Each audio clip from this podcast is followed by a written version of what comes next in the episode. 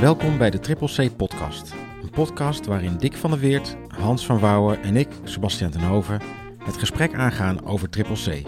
Elke podcastaflevering bespreken we één onderdeel. Dit is aflevering 4, bouwen naar relaties en competenties. Welkom heren. Eh, vandaag gaan we het hebben over eh, bouwen aan relaties en competenties. Mhm. En eh, het leuke is, dat is ook een hoofdstuk in het eh, Triple C boek. Hoofdstuk 3, notabene. Bladzijde 47 voor de mensen die dit eh, die willen meelezen. Ehm, eh, vandaag ook weer, eh, of in deze podcast ook weer eh, anekdotes, vragen en opvattingen en misvattingen. Waar gaan we het nog meer over hebben? Wel- wel- welke onderwerpen wil je nog meer toelichten hierin? Nou, ik denk vooral over de, de, de opbouw van, van, eigenlijk van, van de behandeling. Ja, En, als het gaat over betrouwbaarheid en vertrouwen en zelfvertrouwen. Mhm. En, eh, en misschien bijpassende begeleidingsstijlen. Oké, opbouw van behandeling en eh, begeleidingsstijlen. En eh, in het boek staat, want de vorige keer hadden we, dat in de tweede podcast hadden we het over de behoeftecirkel en de waardecirkel. Mhm. Vandaag ook weer een derde cirkel, Ja, de gehechtheidscirkel. zeker. Oké, heel goed. Nou, waar, waar zullen we beginnen met het onderwerp? Wat is een handig startpunt?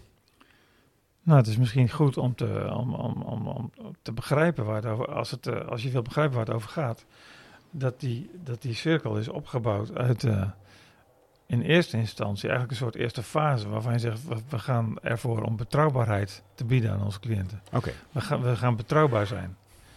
En zodat die cliënt betrouwbaarheid ervaart. Ja. Wat hij niet altijd gewend is, zeg maar. Hè? ja, ja. Betrouwbaarheid ervaren. En dat is, al, eh, dat is al een kunst op zichzelf. Want? Want ehm, ja, individuele medewerkers kunnen wel proberen zo betrouwbaar mogelijk te zijn Ja. naar de cliënt.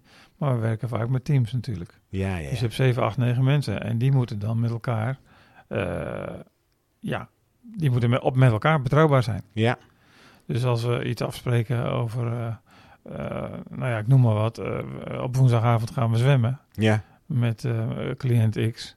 Mhm. Dat niet alleen dat, dat we dat doen als meneer, A, als meneer Albert werkt of zoiets, Ja, maar ook als mevrouw Yvonne aan het werk is. precies. Die gaat ook gewoon zwemmen met hem. Ja. En ook als ze ongesteld is. Om Ja. maar ze maar eens wat te noemen. En niet van, oh nee, dat kan vandaag niet. Want eh, dan gaat dat dagprogramma van, dan word je onbetrouwbaar. Hoe dat je onbetrouwbaar? Ja, precies. En dan word je niet alle- alleen onbetrouwbaar voor het zwemmen, maar eigenlijk onbetrouwbaar voor Ja, als team. als team. en voor, voor allerlei andere activiteiten ook. Precies. Ja. Dat dat, ja. Dus één is die betrouwbaarheid. En dan twee, dan gaan we werken aan, aan vertrouwen. Aan vertrouwen opbouwen. Mhm. En dat doe je volgens mij door eh, cliënten vertrouwen te geven. Wat ik wel eens tegenkom, eh, eh, ja, dat is met name meer in de psychiatrie en in de jeugdzorg. Maar dat, dan wordt er van cliënten geëist dat ze de begeleiders vertrouwen. Dat staat soms zelfs al in, de in, de, in de doelen van het, van het zorgplan. Hè? ja, ja. Gij zult. Gij zult eh, Vertrouwen. de begeleider eh, vertrouwen. Ja. Terwijl we met elkaar natuurlijk als teams vaak helemaal niet zo betrouwbaar zijn. Maar de cliënt moet ons wel eh, vertrouwen. Ja. Ik denk altijd, laten we het andersom doen. Laten we die cliënt vertrouwen geven. Ja. En, eh, en, en een stukje bij beetje meer en meer vertrouwen geven. En dan gaat hij langzamerhand ook ervaren dat hij ons kan vertrouwen. Ja. Zeker als we daarbij ook betrouwbaar zijn. Ja. Nee, want vanuit betrouwbaarheid ontstaat dan vanzelf vertrouwen. ontstaat, dat maar dit- vertrou- ontstaat dat vertrouwen. Maar we moeten ook die cliënt vertrouwen, Vertrouwen. geven. Ja. En hoe doe je dat? Vertrouwen geven? Nou, door eh, hem dingen toe te vertrouwen. Taakjes, verantwoordelijkheden toe te vertrouwen. Mhm. En hem niet eh, uit te kafferen als er iets niet lukt. Ja. Maar dan de schuld ook bij jezelf zoeken van... hé, hey, ik heb hem onvoldoende begeleid eh, blijkbaar. Ja. Het is nog, hij, hij kon dit nog niet. Ik dacht dat hij het wel kon, maar hij kon het nog niet. Gaan we het, gaan we het, kunnen we het al beter samen doen weer de Ja, volgende keer. Precies. En weer een stapje terug en dan weer. Maar mooier nog, om, om, om het sa- sowieso samen te werken. En dan langzaam, dan voel je namelijk aan wat iemand wel of niet zelf kan.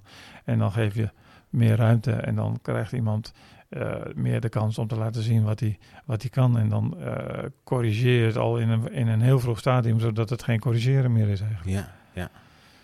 Maar zo ga je dus vertrouwen opbouwen. En dan langzamerhand gaat een cliënt ook zelfvertrouwen ontwikkelen. Mhm. Maar het, het- de opbouw van die, van die relatie tussen die begeleider en die cliënt, dus dat is, dat, wij noemen dat een soort gehechtheid. Ja. En die, die relatieopbouw, die fungeert eigenlijk, die gehechtheid, die fungeert eigenlijk als een, als een buffer tegen stress. Dus de, hele- de Oh. wereld is ingewikkeld. Ja. Voor iemand met een verstandelijke beperking of iemand met een psychiatrische stoornis of wat dan ook, hè, of iemand met dementie. De wereld kan soms heel ingewikkeld zijn. Dan is het de bedoeling dat je, dat je als begeleider een betrouwbare ander wordt. Dus je moet eerst betrouwbaar zijn Ja. en, en, en, en dat die cliënt vertrouwen in jou kan hebben. Ja. Dan wordt die, dat, die relatie fungeert als een buffertje tegen stress, als een buffer tegen stress. Ja. Want die wereld die komt wel ingewikkeld op je af, maar gelukkig heb, Kun je ik, jou, altijd heb ik jou als begeleider bij me, Ja. zodat ik op jou kan terugvallen. Ja. En dat ik aan jou kan zien of ik me wel of niet zorgen over iets moet maken, zeg maar. Ja. Ja. En dat opbouwen, wat we nu, waar we het over hebben, dat kan niet zonder activiteiten. Nee. Dus je hebt die eh, eh, relationele component. En dan Ja. heb je ook nog een wat constantere component. Ja. Dat is die activiteit. Dus je bouwt die relatie op door middel, Ja. ik echt door middel, van een activiteit.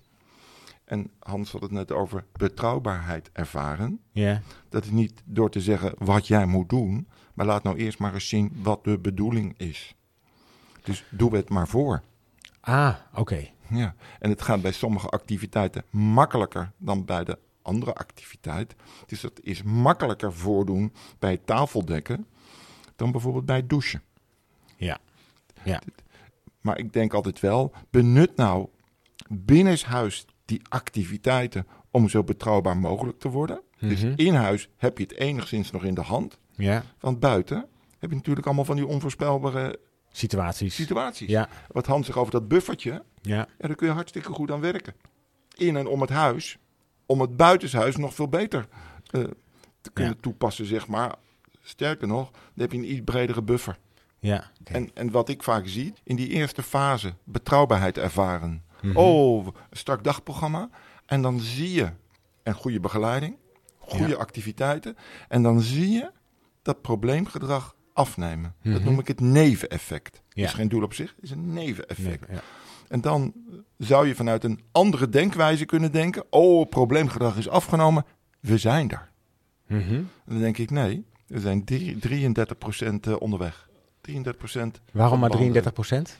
Nou, kijk eens naar dat cirkeltje. Die bestaat uit drie vakjes. Dus ik denk, nou, We beginnen- drie vakjes? We Ja, beginnen wat- betrouwbaar nou. te worden, maar eh, we kijken naar die gehechtheidscirkel nu. Dat zie Ja. drie vakjes. Het rode vakje, betrouwbaarheid ervaren. Het oranje vakje, vertrouwen opbouwen. Ja. En het groene vakje, zelfvertrouwen ontwikkelen. Ja. En dan is het heel spannend in die uitvoering om van die betrouwbaarheidsfase naar dat vertrouwen opbouwen over te stappen als het ware. Ja. Want wie weet gaat er probleemgedrag ontstaan. Waarom zou er probleemgedrag ontstaan? Waarom? Ehm, want je zou kunnen zeggen van rood naar oranje. Ja. Je gaat iets aanpassen. Ja. Want je wilt misschien wel weer, doordat je iets anders gaat doen, of je gaat de begeleidingsstijl aanpassen, Ja. van richting geven naar uitnodigen. Ja. Of je zegt nee, we blijven richting geven, maken de activiteiten wat moeilijker. Ja, ja. Dus even, even sorry, eh, eh, bijvoorbeeld met tafeldekken. Je hebt Ja. het eerst de hele tijd voorgedaan. Zeker. Eh, eh, dan ga je het op een gegeven moment samen doen. Eh, En, dan nou, de, en de volgende stap is dat iemand het zelf gaat doen? niet samen doen, Oh. maar misschien zet je wel de borden op het aanrecht. Ja. En zet die cliënt de borden op tafel. En Ja. leg jij de vorken en messen er neer. Ja. Dus voordoen wordt meedoen. Ja. En vervolgens ga je van meedoen naar samen doen. Maar dat moet je dus aanvoelen. Ja. Want als je het dan toch hebt over een anekdote. Ja. Oh, anekdote. Heel goed. anekdote heb ik meegemaakt eh, op een woning. Dat die begeleiders fantastisch werk hadden gedaan. En opeens ging die jongen zelf zijn schoenen aandoen. Ja. Wat hij nooit deed. Ja. En ging vervolgens naar beneden. Dat is jaren geleden. Dus ik werd gebeld. Dik, dik, dik. Wat moeten we nu doen? Mag hij zijn schoenen zelf aandoen en naar beneden gaan? Nou, ik dacht, ik moet een taart voor die mensen kopen. Want die jongen die gaat eigen initiatief nemen. En liep naar beneden om de tafel te gaan dekken. Ja.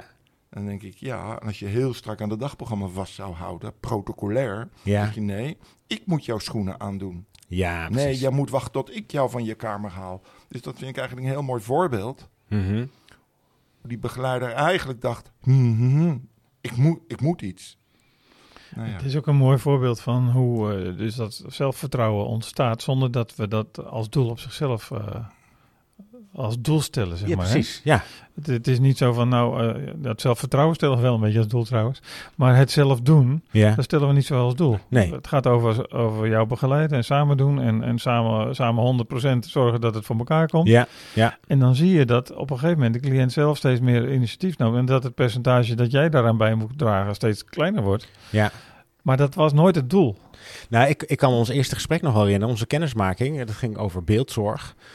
Het heeft eh, dus niet met vaardigheidsontwikkeling nee. te maken, maar met zelfvertrouwenontwikkeling. Precies, want daar ging het ook over. Dat ging over zelfstandigheid. Dat beeldzorg eh, een eh, heel geschikt middel is om mensen meer, of eh, eh, cliënten meer zelfstandigheid eh, te geven. En eh, toen, toen zeiden jullie ook van ja, maar wie wil nou zelfstandig worden dan? Is dat zo dat de cliënt dat heel graag wil? Of willen wij dat de cliënt zelfstandig is? Je zou met beeldzorg en een beeldzorgcentrale die 24-7 bereikbaar is voor, voor allerhande vragen. Dus iemand eh, bijvoorbeeld wilde, moet naar zijn werk en die heeft eh, een, gat in zijn sok en die, die weet niet wat hij ermee moet. Die kan dan even snel bellen Ja. en die wordt dan via beeld ook geholpen van, nou, heb je nog een ander... eh, raakt hij misschien in paniek. En ja, dan, precies. Eigenlijk is dan die beeldzorgcentrale, of diegene die daar zit, is ook een beetje degene die betrouwbare ander is. hè? precies, En die ook die stress eh, buffert. Ja. Hij kan even bellen inderdaad. en raakt, hoeft niet in paniek te raken. En, dan, en, en, en die beeldzorgcentrale zorgt ervoor dat die eh, cliënt, die persoon, eh, zelf met een oplossing kan komen. Hè? Het is niet zo Ja. dat, dat de beeldzorgcentrale vertelt wat iemand moet doen, maar die helpt eigenlijk door die stress, Ja, de persoon door de stress Ja. heen. En daarmee kun je dus ook werken aan zelfvertrouwen. En vanuit het zelfvertrouwen ontstaat dan eh, Ja. zelfstandigheid. Nou, je werkt ook aan betrouwbaarheid. Want diegene belt en die mevrouw of meneer van de beeldzorgcentrale, Ja. die staat jou te woord. Ja. Dus het is heel herkenbaar. Ja. Nou, hoe mooi is dat ook? En altijd wanneer je belt. Dus dat, precies. Exact. Heel mooi. Ehm, dus, en, en we kwamen hierover, want je, je had het erover van het rode vakje betrouwbaarheid Ja, ervaren. zeker. Ga je naar oranje vertrouwen opbouwen en dat kan ook weer probleemgedrag veroorzaken. Zeker, want die cliënt kan tijdelijk even uit balans raken. Ja. Maar die stress heb je misschien ook wel nodig. Dat je denkt, oh jee, oh jee, oh jee. Samen wordt het oké. Ja. Dus die gehechtheid wordt daardoor weer sterker. Dat is eigenlijk ook een manier om aan te geven of om even te checken, is die relatie nog Ja, wel je sterk genoeg? je, dus Ja. je volgende stap neemt, dan breng je het evenwicht natuurlijk een beetje, haal je er even uit. Ja. Dus je, mensen eh, ervaren een soort onbalans Ja, en je gaat Ja. samen weer die Ja. nieuwe balans vinden. ja, Ik adviseer dan, doe dan één variabele. Of je gaat experimenteren met een andere begeleidingsstijl. ja. Of maak die activiteit moeilijk. Of Mhm. misschien ga je wel medicatie afbouwen. Oh ja. Want wat ik heel vaak zie in het land, eh, oh, probleemgedrag minder. We gaan en de activiteit moeilijker maken. ja. We gaan en anders begeleiden. En we gaan ook nog medicatie afbouwen. Gelijk alles. Gelijk alles. En dan gaat het fout en dan zeggen ze, oh zie je wel, die medicatie die had toch eh, heel veel effect, dus die moeten weer terug. Een beetje jammer. Ja. Ja. Dus jullie zeggen stap voor stap, Stap voor stap. stap voor Ja. stap. Het is eh, Methodisch. methodisch. Het lijkt wel een methode. ja, doe het methodisch. Ja. Nou, en dat heet in onze optiek, daarom heet het hier ook behandelfasering. We Ja, hebben dus die gehechtheidscirkel, die gebruiken wij als behandelfasering. ja, Eerste fase, betrouwbaar worden. Tweede fase, vertrouwen bouwen. Derde fase, zelfvertrouwen ontwikkelen. En, en dit zijn drie verschillende kleuren. Ja. Hebben die ook echt verschillende, hoe zeg je dat eh, in de praktijk, dat je dat als echt een afbakening ervaart of ziet? Maar Of het loopt natuurlijk geleidelijk in Ja. elkaar over. Ja. Je probeert natuurlijk met zo'n model iets in kaart te brengen. En dat is altijd een, een, eh, een versimpeling van de werkelijkheid. Ja, Maar het loopt natuurlijk in elkaar over. En die fase die loopt ook wel eens heen en weer. Als bij een nieuwe begeleider, Mhm. moet, die moet weer even wat meer aan die betrouwbaarheid eh, Oh ja. Ja. werken dan een begeleider die er al een tijdje is en waar al vertrouwen mee ontstaan is. Ja. Dus het is een heen en weer schuiven, maar wel van de betrouwbaarheidskant langzaam richting de zelfvertrouwenkant, zeg maar. ja. Eh, je gaat wel die kant op als het goed is met elkaar. Ja, dus ook als er veel teamwisselingen Ja, zijn, dan schommel je schommel je... weer- Dan blijf je misschien weer even hangen. Of dan doe je misschien een stapje Ja. terug. Ja. Maar, eh, de- dan kan je het ook wel weer eh, oppakken en weer verder bouwen. Ja. Dus je hebt die, die relatiecomponent, Ja, eh, die activiteitcomponent, zeg maar de competentie. Ja, en dat is, ik noem het altijd aanvoelen, ja, aansluiten, aanvullen. je Ja, aanvoelen, aanvullen, aansl nee, aanvoelen, aanvoelen, aansluiten, aansluiten, aanvullen. aanvullen. En als je goede begeleiders ziet, Ja, die, en, ik, en ik zie er een heleboel goede, die doen dat de hele dienst. Beetje richting geven, beetje uitnodigen, hey, ruimte geven. Die, die zijn de hele, hele dienst aan het accordeonnen. Ik moet wat nabijheid bieden, zichtbaar zijn. Oh, nou kan ik even uit beeld blijven. aanvoelen, snap ik. Aanvoelen. Aansluiten, Ja, wat bedoel je daar precies mee? Bij die beleving van die cliënt. exact. Ja, En aanvullen, wat heeft die cliënt nu nodig Ja. om die succeservaring te beleven? oké. Ja, en sommige mensen zeggen ook wel, ja, maar die cliënt mag toch op zijn bek gaan, dik? Mag toch falen? Mhm. Denk ik, nou, als je in die voorgeschiedenissen kijkt van deze cliënt, Ja, dan gaan wij lang zal zijn leven nooit meer inhalen. Zolang ik zal leven, wat voor faalervaring die cliënten al hebben gehad. Die hebben al genoeg faalervaringen Ja, gehad. En ja. die diepe En een eh, zelfbeeld opgebouwd. Hè? Exact. Van, ik kan niks en eh, Exact. ik ben ergens goed voor, Ja. et cetera. Oké. Dus sommige mensen vinden dit model ook wel eens betuttelend. Want de cliënt mag niet uitglijden, jullie willen alles voorkomen. Ik heb zoiets van, het heeft niks met voorkomen te maken. Het heeft alles met behoefte te maken. Ja. En cru gezegd, helpt die mensen niet nog verder in de vernieling. En laat die, eh, dat uitglijden en, en, en op, zogenaamd op je bek gaan, zoals je net zei, dat, dat mag wel, maar doe het dan samen. als begeleider, ja. Je bent wel als begeleider eh, met de cliënt, je gaat, je gaat iets doen en je Ja. weet niet zeker of het wel of niet gaat lukken. Ja, ja, ja. Mislukt het?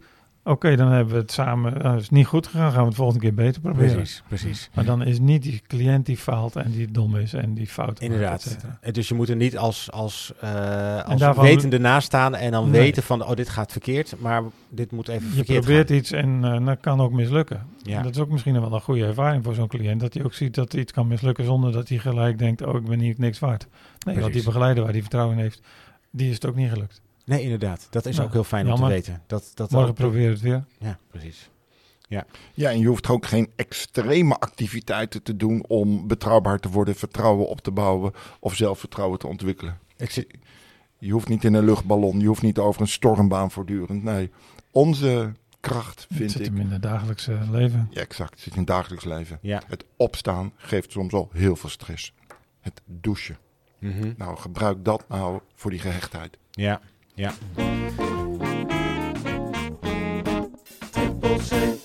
Jullie hadden het ook over begeleidingsstijlen. Eh, die zijn dan denk ik een beetje de revue gepasseerd, maar misschien, want is daar ook ja, een, want dan eh, hebben we het over eh, wat ik al noemde. Voordoen, meedoen. eh, van, van voordoen naar meedoen, van meedoen naar samen doen. En uiteindelijk van samen doen naar zelf doen. ja, En, en ja, wat ik zei, dat is een, eh, iets wat je ervaart, wat je ziet gebeuren bij cliënten. Mhm. Dat ze langzamerhand meer initiatief nemen en dat ze meer zelf gaan doen. Maar het is niet de, het hoogste doel is niet zelf doen, zelfredzaamheid, eh, eh, alles alleen kunnen, et cetera. Nee, nee. Integendeel. Ja, en wij noemen dat reuren. In het boek wordt het ook reur genoemd. Richting geven, Niet zo- uitnodigen en ruimte geven.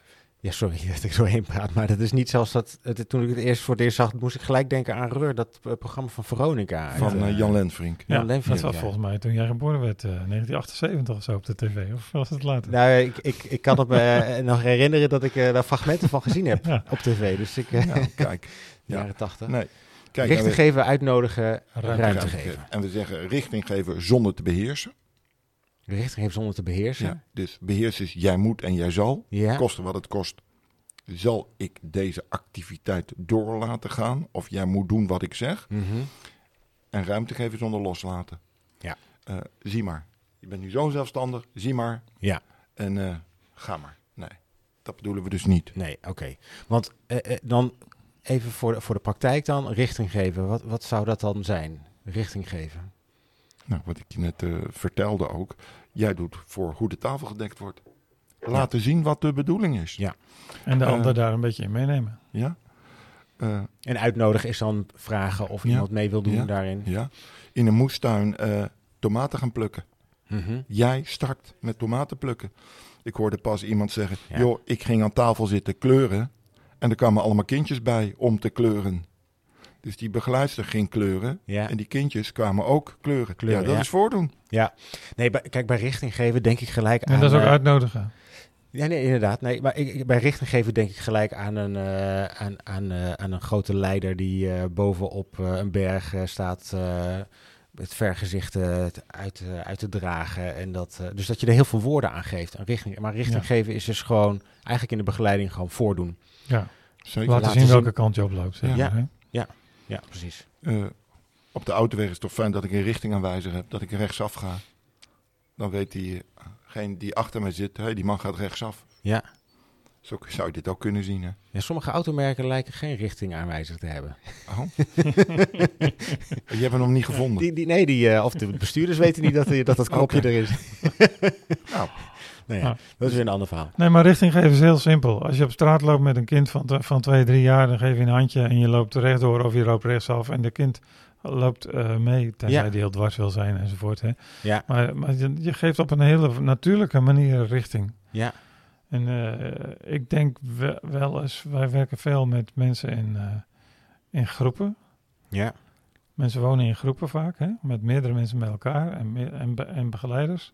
Mhm. En, dan, en dan doen we iets. Nou, we gaan, eh, we gaan straks naar het werk. We, we- we gaan onze jassen pakken. Die begeleider die trekt zijn jas aan. Dat is al richting geven. Ja, ja, En, en, eh, en het werkt volgens mij ook nog wel een beetje zo dat eh, als je dat ziet om je heen dat dat gebeurt, ja, dat je dat dan ook gemakkelijker zelf gaat doen. Ja. Dus dat is zo- zo'n beetje zo. Ik zeg wel eens, het lijkt wel of het, of het op, eh, met spiegelneuronen te maken heeft. Hè? Dan weet je, je, hebt van die spreeuwen die in de, in de lucht van die rare bewegingen maken, maar ze Ja. alle dezelfde kant op. ja, Ja, dat heeft met spiegelneuronen te maken, maar die hebben wij ook. Dus als iedereen aan tafel gaat zitten of als iedereen zijn jas aftrekken, is de kans groter dat jij dat ook doet. ja, Dan wanneer je één op één begeleiding hebt en zegt van eh, Pietje, ga je nou eens een keer je jas aantrekken. Terwijl Ja. jij jezelf je jas nog niet aan hebt. ja, precies. Nee. Ik, ik moet altijd denken aan de, de, de kleuterklas waar mijn eh, drie kinderen in hebben gezeten. Die hebben allemaal dezelfde kleuterjuf gehad. Eh, en juf Elisabeth in Utrecht. Ik gun elk kind een Een juf, Elisabeth. Ja, dat, dat is echt fantastisch. Maar het mooie is, die eh, de, de kleuters die stromen niet eh, aan het begin van het schooljaar. En die, die, die stromen gewoon Ja, in wanneer ze vier worden. Ja. Mhm. En, eh, en, en er zit zo'n goede structuur in die klas. En een stroom. Hè? Dus Ja. ja, je- Ik vind je- het een mooie vergelijking. Want dat is één dag, ja. na één dag gaat zo'n kind helemaal mee. En die voelt zich helemaal thuis. En dat is een soort vanzelfsprekendheid. Dat Ja. is precies wat wij hier ook willen bereiken op, op woningen en dagbestedingsafdelingen. Ja. Dat er een vanzelfsprekendheid is. En niet dat je moet soebatten of dat eh, kindje wel mee wil gaan in het grotere geheel. Precies. Nee, die gaat gewoon mee in het grotere geheel. Nee, die gaat het niet en dan ga je bediscussiëren. gewoon nee. ook vanuit, als, als je juf Elisabeth bent, dan ga je helemaal niet denken, zou die wel mee willen, ja of nee? nee, nee, precies. Op het moment dat je die vraag gaat stellen, ja, dan gaat het vaak fout. En het mooie is van deze juf, er zullen meer dan eh, vier kinderen in die klas zitten. Misschien Ja. wel meer dan twintig. Ja, En misschien is er wel in er eentje. ze is er eentje. Ja, zeker. Kijk eens. Nou ja, nou, met de hele klas natuurlijk. Ja. ja. Dus deze juf, relatie. En die kinderen weten misschien wat, wat er van hen verwacht wordt in de les. Mhm. Dus zo'n juffrouw kan veel kinderen begeleiden. En die juffrouw is betrouwbaar. En die krijgt vertrouwen op een gegeven moment. Ja, Precies. ja. Precies. En, en die En werkt die vier voor- dagen. En de vijfde dag is er een ander. Ja, En dat is ook leuk, want die, die kinderen die weten dus... op vrijdag is het net iets anders. ja. Kijk. Maar eh, die zeggen dan maar tegen ook de juf... Maar ook voorspelbaar. Die zeggen dan tegen de juf... Juf, we doen altijd eh, dan om eh negen uur... of ik weet niet eh, of ze er tijd aan verbinden... maar dan gaan we altijd dit en dit doen. Oh, nou. En dan kun je als juf ervoor kiezen... ik ga er tegenin en eh, mijn eigen structuur eh, eh, bepalen...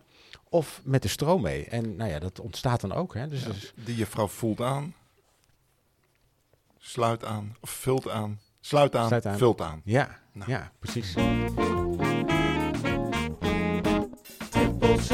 We hebben al aardig wat anekdotes gehad, maar hebben we ook een, eh, een veel ko- voorkomende vraag. Als we het hebben over eh, de gehechtheidscirkel of het bouwen aan relaties en competenties. Nou, misschien eh, wel de vraag die aansluit op jouw voorbeeld van eh, hier, hiervoor. Moet je nou triple C al- altijd, is dat altijd één op één begeleiding? Want we hebben het over een cliënt en een coach. ja, Gaat het dan over één cliënt en één coach? Antwoord is nee. Het kan ook een juffrouw Elisabeth zijn die met 25 kinderen voor de klas staat. En die bouwt ook betrouwbaarheid op. ja, En in ons geval zijn het geen 25 kinderen in de klas, maar zijn het 6, 7 cliënten op een woning ja, met één of twee begeleiders. ja, En maar dan geldt precies dezelfde principes. Net zoals je in een gezin hebt met één ouder of met twee ouders, met drie, vier, vijf kinderen bij wijze van spreken. ja, Het, is, eh, het misverstand is misschien dat het, eh, dat het één op één zou moeten. Terwijl wij juist denken dat dat helemaal niet zo goed werkt. Eén op één werkt niet goed. Eh, nee, want er zitten heel veel eh, kanten aan die, eh, die, nou ja, eigenlijk al wat ik net zei, de vanzelfsprekendheid haal je eruit. Ja. Weet, het, het meegaan met de, met de groep, met de, met de dingen doen die we allemaal doen als, als, als clubje, als gezin of als familie of, Ja. of in dit geval als, als woongroep. Ja. De alle vanzelfsprekende dingen die, eh, die zijn zo behulpzaam en zo, zo gemakkelijk en prettig. Ja.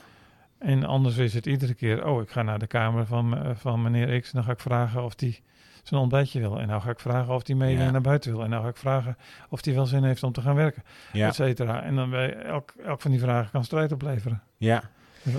En, eh, maar vanuit de beheersgedachte is het wel een logische redenering om eh, één op één begeleiding te doen. Want eh, Ja, meer heeft- mankracht. Dat zeg je heel goed. Het is vanuit die beheersgedachte. Want om aan die behoeften van die cliënten te voldoen, hoef je niet één op één te zijn. Nee. Maar als je, als je, ja, als je elk gedragingje wil signaleren en er bovenop wil zitten, maar dan heb je het inderdaad over beheersen, Ja. ja, dan, dan, dan, dan moet je dat wel. Dan ga je ook met signaleringsplannen werken. Ja. En ik zie, oh, hij, eh, hij, hij, hij knippert met zijn wenkbrauw. Nou, dan zal hij straks wel eh, eh, gaan gillen en daarna gaan slaan. Wat is er mis met de signaleringsplan? Nou, dat, het, dat, dat je de natuurlijke manier van omgang eruit haalt. En dat je naar de gedragingen kijkt en niet naar de mens. Ah. Ja. Ja, En niet, niet kijkt ja, naar wat hij nodig heeft, maar hoe ik zal moeten gaan reageren op gedrag dat hij vertoont. ja. Dus je loopt altijd achter de feiten en je bent altijd reageren in plaats van het ageren. Ja. Ik kan me wel voorstellen dat je, omdat je een, hè, dus, eh, als, omdat je je cliënt goed kent, je hebt een relatie opgebouwd, weet je ook wat hij wel en niet aan kan of wat hij wel en niet doet in bepaalde situaties. Mhm. Dat- Ja. Dat klinkt een beetje als een signaleringsplan. Of eh zie ik... Nee, dat jij dat weet en aanvoelt, net zoals jij dat bij je kinderen aanvoelt en weet. Ja, Daar heb je dat toch ook niet in een plan geschreven. Als hij dat doet, dan doen wij zus of zo. nee, nee, Nee.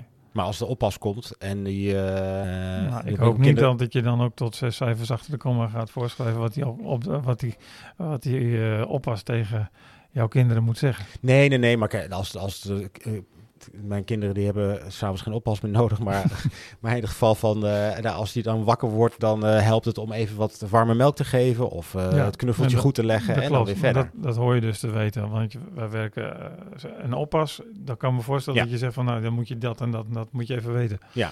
Maar we hebben het hier niet over een oppas. We hebben het hier over eh, mensen die hopelijk wat langer dan eh, ja, ja, ja. een ja, dag ja. of twee dagen eh, of drie weken of langer dan een paar maanden werken. En die Ja. cliënten ze horen te kennen. Nee, precies. Een oppas, dat zou je dan kunnen vergelijken met een invaller. Ja. En daar heb maar je ik denk dat signaleringsplannen die halen de natuurlijke manier van omgang, het aanvoelen en aansluiten, zeg maar, Ja, waar Dick het over had, dat haal je een beetje onderuit. Ja. De sensitiviteit van die, van die begeleider, die, eh, ja, die wordt eigenlijk aan de kant geschoven voor een, eh, voor een protocol. Ja, wil je dat die begeleider leert begeleiden, dus aanvoelen, Mhm. aansluiten, aanvullen, of wil je dat die begeleider het protocol leert uitvoeren? Ik denk dat die begeleider eigenlijk zijn bed uitkomt om de cliënt te begeleiden. ja. En we hadden het over één op één begeleiding. Hè? En, en het, is- het is natuurlijk heel vervelend als je de hele dag voortdurend die ene begeleider eh, naast je hebt. Want dat leidt, ha- dat kan haast niet anders dan leiden tot eh, bewaken in plaats van begeleiden. Mhm. Ja. Ja, en er zijn nog veel meer zaken te benoemen. Die begeleider staat er dus alleen voor. Ja. En wij, onze opvatting is wel, je moet er niet alleen voor staan. Je hebt altijd dat sociale support of emotionele support van je collega nodig. Maar in de praktijk blijkt die één op één begeleiding ook niet zo één op één te zijn. Want je hebt dan activiteit, rust, activiteit, rust, activiteit, rust. Mhm. Dus er is ook heel vaak geen één op één. En ik denk te zien, één op één is heel belastend. En dan wordt het over meerdere begeleiders verdeeld. Ja. Ik kom er de situaties tegen, er zijn er 10, 12, 13, 14, 15 begeleiders bij betrokken. Ik zeg, waarom is dat dan? Dat is veel te zwaar, Dick. Moet je dat de hele dag doen?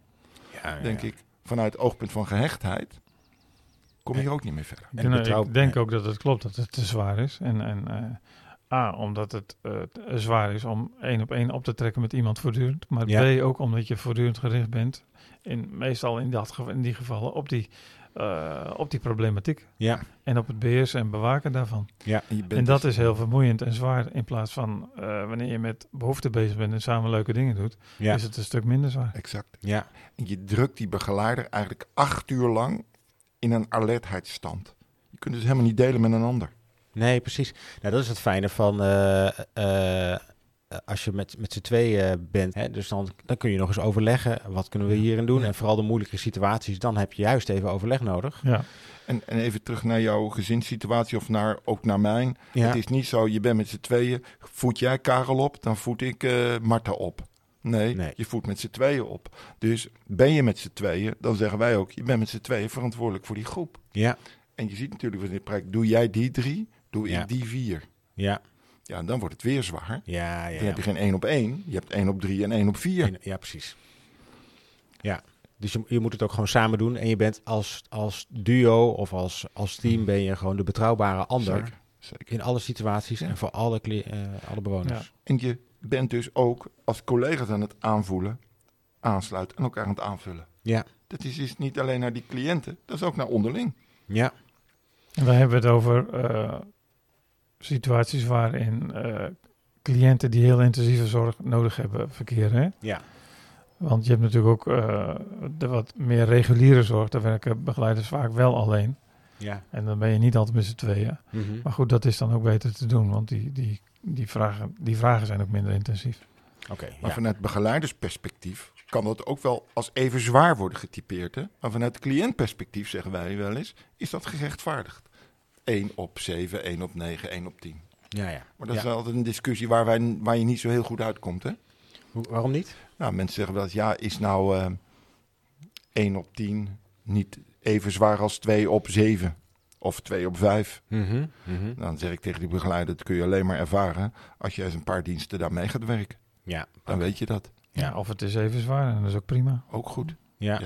Ja. Ja, Het is, je moet eigenlijk gewoon elke keer naar de situatie kijken, naar de behoeften van de, van de cliënten en eh, wat zij Exact. nodig hebben en Exact. daar de begeleiding op aanpassen. exact. Ja. En dan komen we ook weer bij eh, eigenlijk Triple C als eh, eh, model voor de organisatiesturing. Want het, nu hebben we het dus over eh, zelfvertrouwen geven en eh competentieopbouw, Dat is natuurlijk ook een relatieopbouw. parallel proces. Maar dat doe je dus hetzelfde. ook als teamleider met je team en Zeker. als, eh, als bestuurder naar je managementteam. Daarom Zeker. pleiten we er ook voor om, die, om, die, om het aantal leidingaangeeft niet te groot te laten zijn. Net zoals wij zeggen van een cliënt, ja, die moet eigenlijk met maximaal 10 eh, begeleiders Ja. hebben en niet meer. Mhm. Zo moet een, een leidinggevende misschien ook maar ongeveer 10, 12 medewerkers hebben Ja, en geen 30 of 40. Dus onze teamleiders hebben een, hebben een team van 8, 9, 10 mensen. ja, Maar een manager die moet ook. eh, kijk, we hebben het. Als je, als, je, als je alles wil controleren, maar dan krijg je dus weer dat het een andere manier van denken is. ja, ja, En dan, dan zie je ook in de managementliteratuur hebben ze over de span of control. ja. Nou, dan kan je wel 50 of 60, misschien wel 100 of 150 man eh, leiding geven. Ja, als die eh, Excel... eh, ja, als die Excel-bestanden allemaal een beetje kloppen en Ja. jij snapt het en je kan vinkjes zetten. Ja. Maar wij hebben het niet over een span of control, we hebben het over een span of support. Hoeveel mensen kun je nou daadwerkelijk ondersteunen? Ja, en voldoende samen mee- meewerken, zodat de betrouwbaarheid en het vertrouwen en het zelfvertrouwen groeit. ja, Nou, dan, dan kan je nooit aan 100 man leiding geven. nee, nee, precies. En, dus, eh, dus dit model kan je ook, trekken we ook, proberen ook door te trekken in de organisatie. ja, en ook daarin eh, richting geven, uitnodigen en Juist, ruimte geven. Exact. Ja, en ook daarin meedoen en voordoen, het eh, voordoen, meedoen, samen doen enzovoort. Ja. En zelf doen. Ja, precies. Dus eh, teamleiders en, en managers die alleen maar vertellen wat de anderen moeten doen, dat helpt ook niet. Je moet het ook Nee. zelf eh, Dat klopt. Ook, ook meedoen en voordoen. Dat is natuurlijk ook een van de argumenten waarom we werken met meewerkende teamleiders. Ja.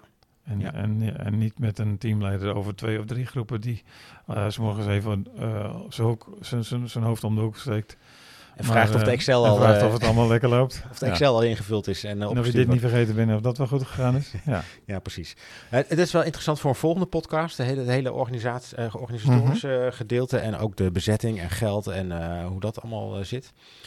Ehm, even kijken, we hebben nu de, de gehechtheidscirkel hebben we, hebben besproken hè, met de drie eh, vakken en eh, eh, zelfvertrouwen en daarmee dus ook een buffer zijnde voor, voor stress. stress wegnemen, competentieopbouw, relatieopbouw. En de begeleidingsstijlen hebben we het ook over gehad. Eh, zijn er nog andere onderdelen, onderwerpen, stukken die hier nog even bij besproken moeten worden, die nog in het hoofdstuk staan? Nou ja, waar het natuurlijk gaat, over gaat bij die, begeleiding, bij, bij die begeleiding, is Mhm. ook eh, wat begeleid je dan? Nou, dat zijn dus die activiteiten die we de hele dag doen. Die Ja. betekenisvolle daginvulling. Ja, Dat is natuurlijk de andere poot waar de cliënt houvast aan moet eh, ervaren. Daarom heet het ook onvoorwaardelijke begeleiding.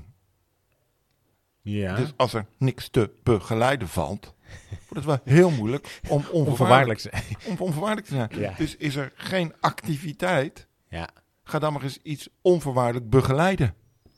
Ja, Ja. ik denk dat Ja. het heel moeilijk wordt. Ja. En dan zie je die emotionele lek ook bij die begeleiders komen. Want die intentie van die begeleiders is oké. Ja, hoe zit dat dan bijvoorbeeld in het, eh, in het weekend? Hè? Dus eh, over de, door de week heb je eh, vaak eh, gewoon een dagbesteding of eh, dagactiviteiten. En, nou, wij noemen het in ons model werk. Werk. Oké, werk. Ja. In het- door de Maar- week werk je. Ja, maar sorry. als het gaat over die, eh, die betekenisvolheid, dan hebben we het over betekenisvolle daginvulling. Ja. En eh, dat betekent niet dat het eh, alleen maar werk of dagbesteding is, maar dat betekent ook dat het vrije tijdsbesteding is. En ook, ja. ook zorg voor het huishouden. En, eh, dus het gaat om de hele dag, van s morgens vroeg tot s avonds laat. Het moet een betekenisvolle daginvulling hebben. ja. En Maar- werk is daar een onderdeel van. Ja, maar eh, dus Dus- ik, ik, ik hoor wel eens dat, eh, dat de weekenden zo leeg zijn. En dan liggen mensen maar, ja, die gaan ten eerste lang uitslapen. Terwijl ze al, al 10, 12 uur op bed liggen. Ja, dat zou kunnen, maar dan, is het, dan werkt men niet volgens triple C. Nee. Zeker. Dus als je niet naar je werk gaat, nou, wie weet ga je naar de markt. Doe je de Mhm. zaterdagboodschappen. Ja, Ga je eh, een- naar een voetbalwedstrijd kijken. Of je gaat zelf voetballen. ja, Of je gaat fietsen. Dus die vrije tijdsactiviteiten, of zorg voor de woonomgeving, ja, zullen dan een groter bestanddeel innemen, omdat dat werk er niet is. ja, ja, ja. Maar het is ook mooi dat dat werk er niet is, want je wilt ook een beetje afwisseling tussen door de week en het weekend. Ja, het gewone En, leven. en juist, en ja. eh, we hebben net wat vrije dagen gehad, hè, eh, Pasen en, en, en hemelvaart enzovoort. Dat zijn andere dagen dan gewone werkdagen. ja, En dat moet je ook ervaren. Dat, dat biedt ook structuur, zullen we maar zeggen. ja, Dat de ene dag anders is dan de andere. En dat zeggen wij ook, dat is structuur. mhm, Dus het mag best elke dag een beetje anders zijn. Anders Ja. heb je gewoon een egaal leven. ja, Ja. Dus ik hoop ook dat die zaterdag en de zondag anders zijn dan die werkdagen. Tenzij je natuurlijk als cliënt op zaterdag en zondag misschien moet werken. Dat kan ook nog. Hè? ja, ja. Maar dan heb je een andere, Exact. andere dagen vrij. Heb je andere dagen weer vrij. Ja. Wel dat is dus dat de niet-werkdagen anders zijn dan de werkdagen, maar niet dat je niks te doen hebt, zeg maar. Nee, precies. Dat het oningevuld is. Ja. Want dat is natuurlijk een, vaak een probleem. Nee, ja, maar dat is dat. volgens mij komt dat vrij vaak voor eh, in de zorg. Dus die betekenisvolle daginvulling Ja, voldoet aan de menselijke behoeften. ja, Dus ook in het weekend heb je behoefte aan houvast, erkenning, waardering, invloed op je leven en iets kunnen betekenen voor jezelf en de ander. Ja, hoe kun je dat waarmaken? Door middel van een activiteit. ja. Heel goed. Zijn er nog andere dingen die we willen bespreken over eh, deze, deze over bouwen aan relaties en competenties? Nou, we hebben het niet uitgebreid over de inhoud van die, van die dagbesteding en eh, of die daginvullingen gehad. Maar wat natuurlijk wel een belangrijk punt bij Triple C is geweest, is dat we aan, bij, de, bij de start eigenlijk van het denken over, deze, eh, over dit model bedacht hebben, hey, er moet onderscheid zijn tussen eh, wonen, werken, zelfzorg en vrije tijd. Ah. En dat we, en dat we dus daar op die gebieden, zelfzorg, wonen, werken, vrije tijd, activiteiten doen, maar dat die activiteiten ook niet door elkaar heen lopen. Dus dat dat niet Ja, eh, Ja. nou, ik- geef wel eens het voorbeeld van... Wacht dan even. ging- Wat is het? Is het eh, want volgens mij hadden we ook bedacht dat we dit voor een volgende podcast. Eh, volgende podcast. En daar, daar kunnen we nog een, eh, Ja. een half uurtje over vullen, toch? Jazeker. dus prima, zeker. doen we dat. Zullen we die, dat bewaren we die voor, eh, voor de volgende keer. Oh, ik denk jij mixt hem wel af. Ja, en, ik dacht dat je, me, dat je dat is misschien één hoofdstuk opbouw competentie. En ik dacht, nou, misschien moet dat hier dan nog bij. Nee, nee, nou, nee. de nee inhoud van het werk, ja. Oké. Prima. Eh, als mensen een vraag willen insturen, dan kan dat naar, eh, kan die opgestuurd worden naar triple-c.acz.nl en dan kunnen we die in de podcast ja. beantwoorden. Dan, eh, dan eh, zijn we rond voor deze podcast. Ja. Nou, heel goed, joh. Dankjewel.